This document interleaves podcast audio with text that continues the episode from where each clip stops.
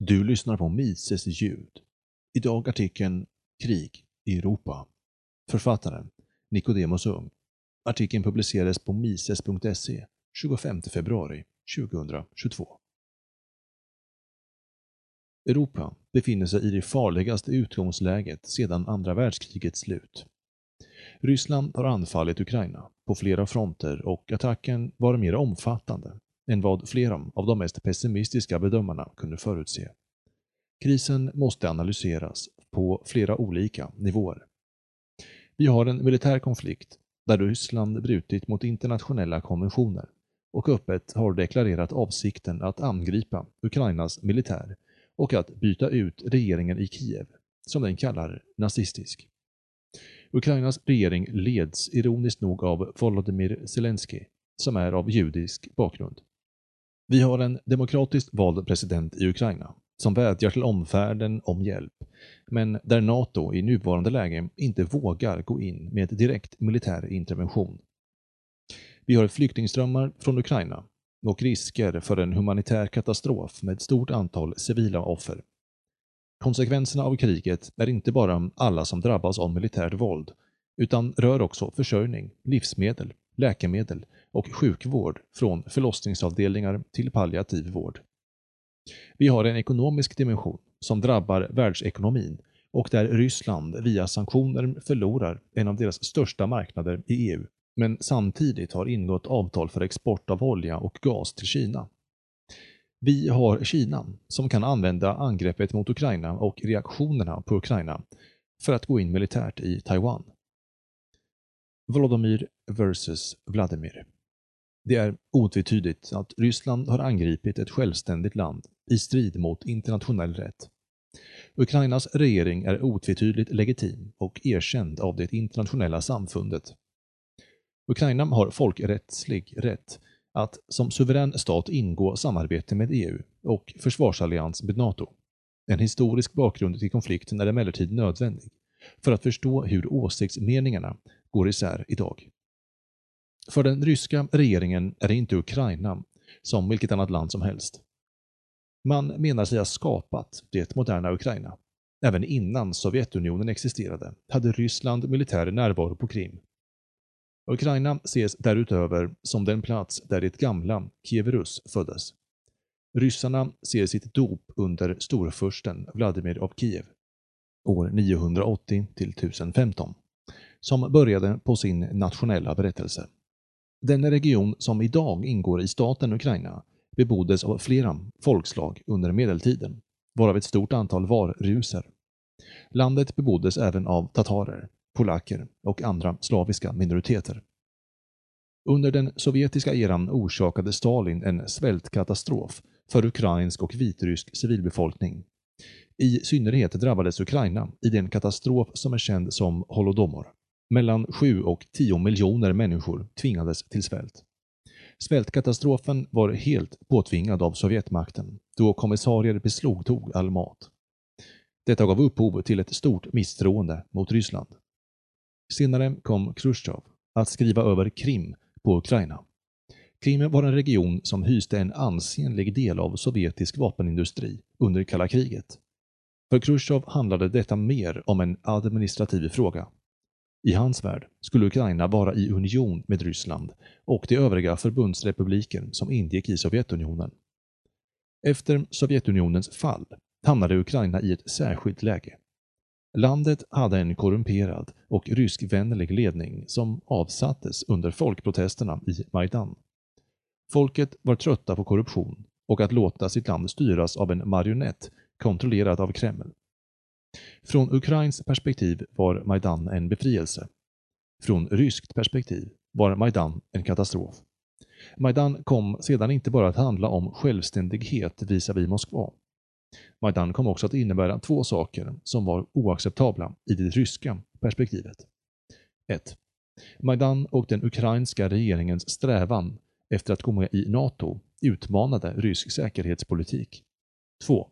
En betydande minoritet av Ukrainas befolkning associerade sig med Ryssland, i synnerhet i de östra regionerna. I en undersökning för det välrenommerade Republican Institute gick också åsiktsmeningarna och attityderna till Ryssland isär i Ukraina. Övergrepp förekom därefter på båda sidor.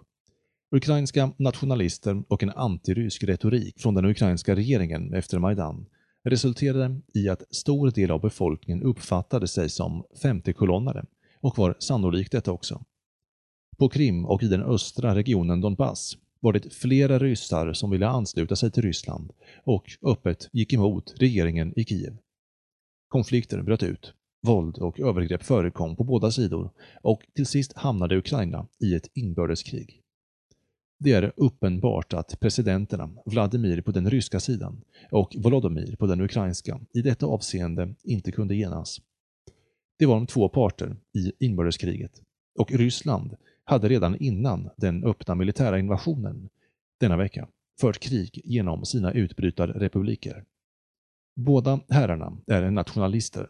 Båda är kompromisslösa och de saknar helt förtroende för varandra. NATO det finns flera relevanta områden där Ryssland skiljer sig från västeuropeiska stater. Landet var en av de makter som segrade 1945 och skäms inte över sin historia av ryskhet. Det vann andra världskriget, men är samtidigt inte demokrater i västerländsk mening. De segrade mot fascismen, men är fortfarande inte en liberal makt. Där Tyskland har domesticerats av Förenta Staterna och fortfarande har militärbaser tillhörande den makt som besegrade dem för 77 år sedan har ryssarna inte uppfostrats i demokratiskt universella värden och amerikansk liberalism. Därtill anser sig den ryska ledningen att de har all rätt att vara lika nationalistiska som Förenta Staterna, vilket ibland skapar förvirring bland amerikanska bedömare som inte ser detta som lika självklart. Rysslands regering betraktar den östra delen av Ukraina som sin säkerhetspolitiska zon detta skiljer Ukraina från exempelvis Baltikum, där Ryssland inte reagerade nämnvärt som de gör nu. Ukraina och i synnerhet östra delen av landet är en region som Ryssland inte anser att de militärstrategiskt kan kompromissa om. Alla försök att ändra detta förhållande och att placera NATO-baser i den östra delen kommer att angripas militärt av Ryssland och nu har man alltså även angripit ukrainska militärbaser i förebyggande syfte och för brottet att de tagit emot materiel från NATO. Ryssland ansåg dessutom att Krim var en militärstrategisk nödvändighet efter Majdan och att denna annektering var viktigare än alla ekonomiska sanktioner, hot och förlorade diplomatiska relationer med omvärlden. Volodymyr har deklarerat att han kan komma att ansluta Ukraina till NATO i framtiden. Detta räckte för Vladimir som skäl att säga att Rysslands krav inte accepterades de krav som Ryssland ställde på NATO och omvärlden accepterades inte. Ryssland hävdar att deras säkerhetspolitik är hotad. Monroe-doktrinen och Bush-doktrinen Att Ryssland ser Ukraina som sin säkerhetspolitiska zon borde inte förvåna Förenta Staterna, Storbritannien och Frankrike. Dessa tre länder, och i synnerhet Förenta Staterna, tillämpar liknande säkerhetspolitiska resonemang själva. Storbritanniens militära närvaro på Nordirland och Frankrikes militära operationer i Algeriet är två exempel. I Förenta Staternas fall kan vi därtill erinra oss Monroe-doktrinen och Bush-doktrinen. Monroe-doktrinen stadfästes av president James Monroe 1823 och grundar sig på flera europeiska staters planer på att ingripa i de latinamerikanska självständighetskrigen till förmån för Spanien och på Rysslands anspråk på Alaska. Efter överläggningar mellan Monroes utrikesminister John Quincy Adams och George Canning utfärdades doktrinen som amerikansk policy den 1 december 1823. Monroe-doktrinen stod fast att europeisk kolonisation eller försök att blanda sig i politiken i den nya världen och Förenta Staterna var oacceptabel och skulle angripas militärt om nödvändigt. Däremot skulle alla existerande europeiska kolonier accepteras. Förenta Staterna skulle i gengäld inte ingripa i konflikter mellan europeiska stater rörande europeiska frågor. Monroe-doktrinen kom senare att omtolkas för att rättfärdiga Förenta Staternas interventioner i Syd och Centralamerika. I ett tillägg av Theodore Roosevelt 1904, det så kallade Roosevelt-koraliet, fastslogs att Förenta Staterna har rätt att ingripa som International Police Power om stater i Karibien och Centralamerika uppträder ociviliserat. Detta tillägg åberopades flitigt som stöd för Förenta Staternas inblandning i Latinamerika under kalla kriget. Monroe-doktrinen åberopades även när Sovjetunionen placerade robotmissiler på Kuba under den så kallade Kubakrisen. Kubakrisen var en 13 dagar lång konflikt i oktober 1962 mellan Förenta Staterna och Sovjetunionen. Orsaken var att Sovjetunionen reagerat på Förenta Staternas robotbaser i Turkiet och avsåg att placera ballistiska robotar på Kuba. Efter upptäckten av dessa missiler etablerade Förenta Staterna en militär blockad mot Kuba som ledde till flera incidenter och var nära att utlösa ett tredje världskrig. Krisen löstes slutligen genom en överenskommelse där Sovjetunionen offentligt drog tillbaka sina kärnvapen medan Förenta Staterna inofficiellt avvecklade sina atomrobotar i Turkiet. Mot bakgrund av denna kris etablerades den heta linjen mellan Washington och Moskva. Bush-doktrinen de viktigaste beståndsdelarna i Bush-doktrinen skrevs ner i National Security Strategy of the United States 2002. Doktrinens mest kontroversiella del är att verka militärt och unilateralt i förebyggande syfte i andra länder i syfte att bekämpa exempelvis terrorism. Bland annat invaderade Förenta Staterna Afghanistan och Irak åberopandes bland annat denna doktrin. Man utförde också militära angrepp i Syrien och intervenerade mot den syriska regeringen i detta avseende. Analys De militära angreppen mot Ukraina bör fördömas på samma grund som angrepp mot andra länder som inte initierat våld. NATOs expansion i Ukraina är emellertid också något som direkt upplevs som ett intrång i Rysslands säkerhetspolitiska intressesfär. En suverän stat som Ukraina har folkrättsligt rätt att söka militärallians med NATO. Men man gör detta i medvetenhet om att Ryssland upplever detta som hot mot landets säkerhet och att paralleller här kan dras till andra staters säkerhetspolitik.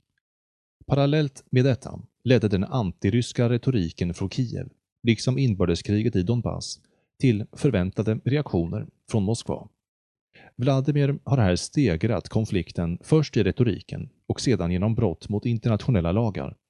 Kubakrisen visar också samma kompromisslösa inställning som idag är synbar hos den ryska regeringen. De debattörer som inte förstår korrelationen mellan dessa kriser har missbedömt konflikten. Som frihetlig måste man fördöma den ryska invasionen. Man måste också fördöma NATOs inställning och stöd till Kiev, vilket stegrat spänningen. Och till sist måste man fördöma ryska övergrepp på ukrainsk civilbefolkning på samma grund som man fördömer de ukrainska övergreppen på rysk-ukrainsk civilbefolkning i Donbass. Ingen vinner på denna konflikt utom möjligtvis Kina.